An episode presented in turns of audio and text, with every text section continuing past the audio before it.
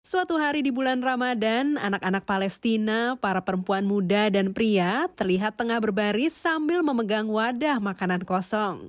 Mereka sedang menunggu untuk wadah itu diisi dengan kentang panas dan semur daging giling di jalur Gaza Selatan. Dapur amal atau tekias semakin populer di bulan suci Ramadan. Para penyelenggara menawarkan makanan hangat kepada keluarga yang hidup dalam kemiskinan yang jumlahnya banyak di wilayah yang diblokade Israel ini.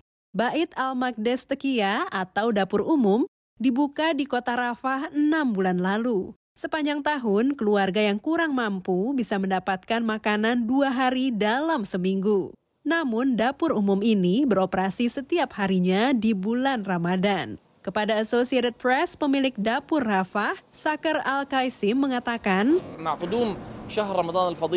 بدأت التكية تجهز نفسها لأن تعمل يوميا في شهر رمضان المبارك ونحن الآن Katanya kebutuhan masyarakat dan kemiskinan meningkat akibat pengepungan Gaza dan banyak orang tidak punya makanan di rumah.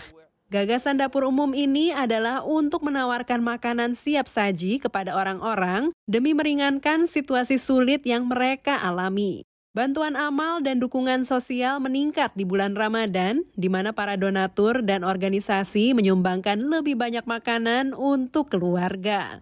Gaza selalu mengalami kemiskinan. Sementara itu, kondisi sekitar 2,3 juta orang yang tinggal di wilayah pantai yang padat itu terus memburuk sejak kelompok militan Islam Hamas merebut kekuasaan pada tahun 2007. Kesulitan bagi para penduduk pun bertambah di bulan Ramadan ini di mana pajak besar dikenakan oleh Hamas, seiring dengan melonjaknya harga pangan global akibat perang dan masalah rantai pasokan. Bank Dunia melaporkan bahwa tingkat kemiskinan di Gaza mencapai lebih dari 50 persen. Dari Washington DC, VOA.